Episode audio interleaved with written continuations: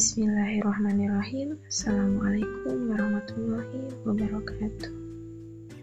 Mengapa Rasulullah Shallallahu Alaihi Wasallam didustakan oleh kaum kafir Quraisy Mekah?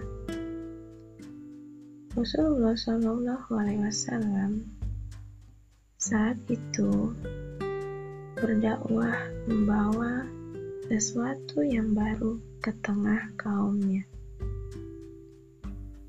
apa sesuatu yang baru itu? Ya, itu adalah Islam. Islam yang dibawa oleh Rasulullah SAW membawa perubahan. Saat wanita dalam kepercayaan Arab direndahkan dan dianggap sebagai pelengkap lelaki, Islam datang dengan pemikiran bahwa Lelaki dan wanita itu diciptakan setara, saling bahu-membahu dalam ketaatan, memiliki kesempatan yang sama dalam agama dan dalam masyarakat. Saat perdagangan didominasi riba, kecurangan di pasar, sumpah palsu, Islam datang dengan konsep pemikiran bahwasanya yang penting dalam dagang bukanlah hasilnya, tapi keberkahan usahanya dengan konsep rezeki dan ketentuan Allah. Pendek kata, apa yang dibawa oleh Rasulullah, yaitu Islam, telah memberikan suatu perubahan.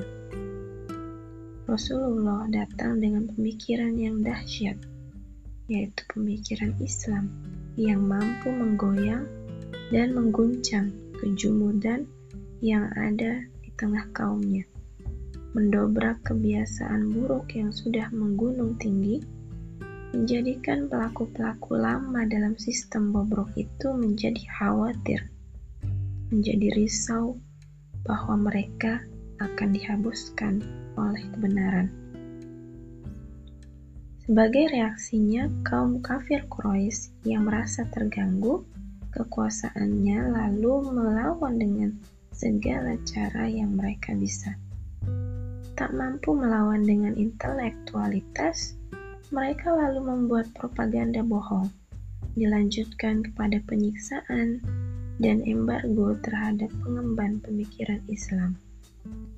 Tapi tentu saja pemikiran itu bukan bersemayam pada jasad yang bisa mati pemikiran Islam hidup di dalam dada-dada para sahabat setelah Rasulullah mengenalkan mereka pada tauhid. Selanjutnya, konsep pemikiran Islam ini tidak terbendung, menggantikan pemikiran Quraisy yang memang tidak tepat. Begitulah alamiahnya dakwah.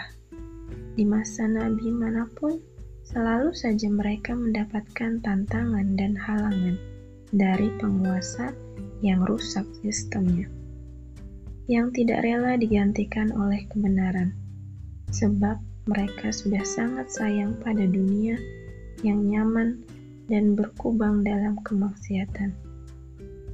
Maka sangat wajar bila seseorang pengemban dakwah dibenci sebab apa yang dia sampaikan tentang kebenaran, walaupun dia sudah mengusahakan untuk membungkus dakwahnya seindah mungkin.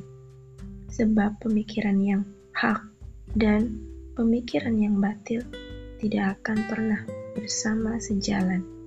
Adanya yang satu akan menghapuskan yang lainnya, sebagaimana cahaya dari kegelapan.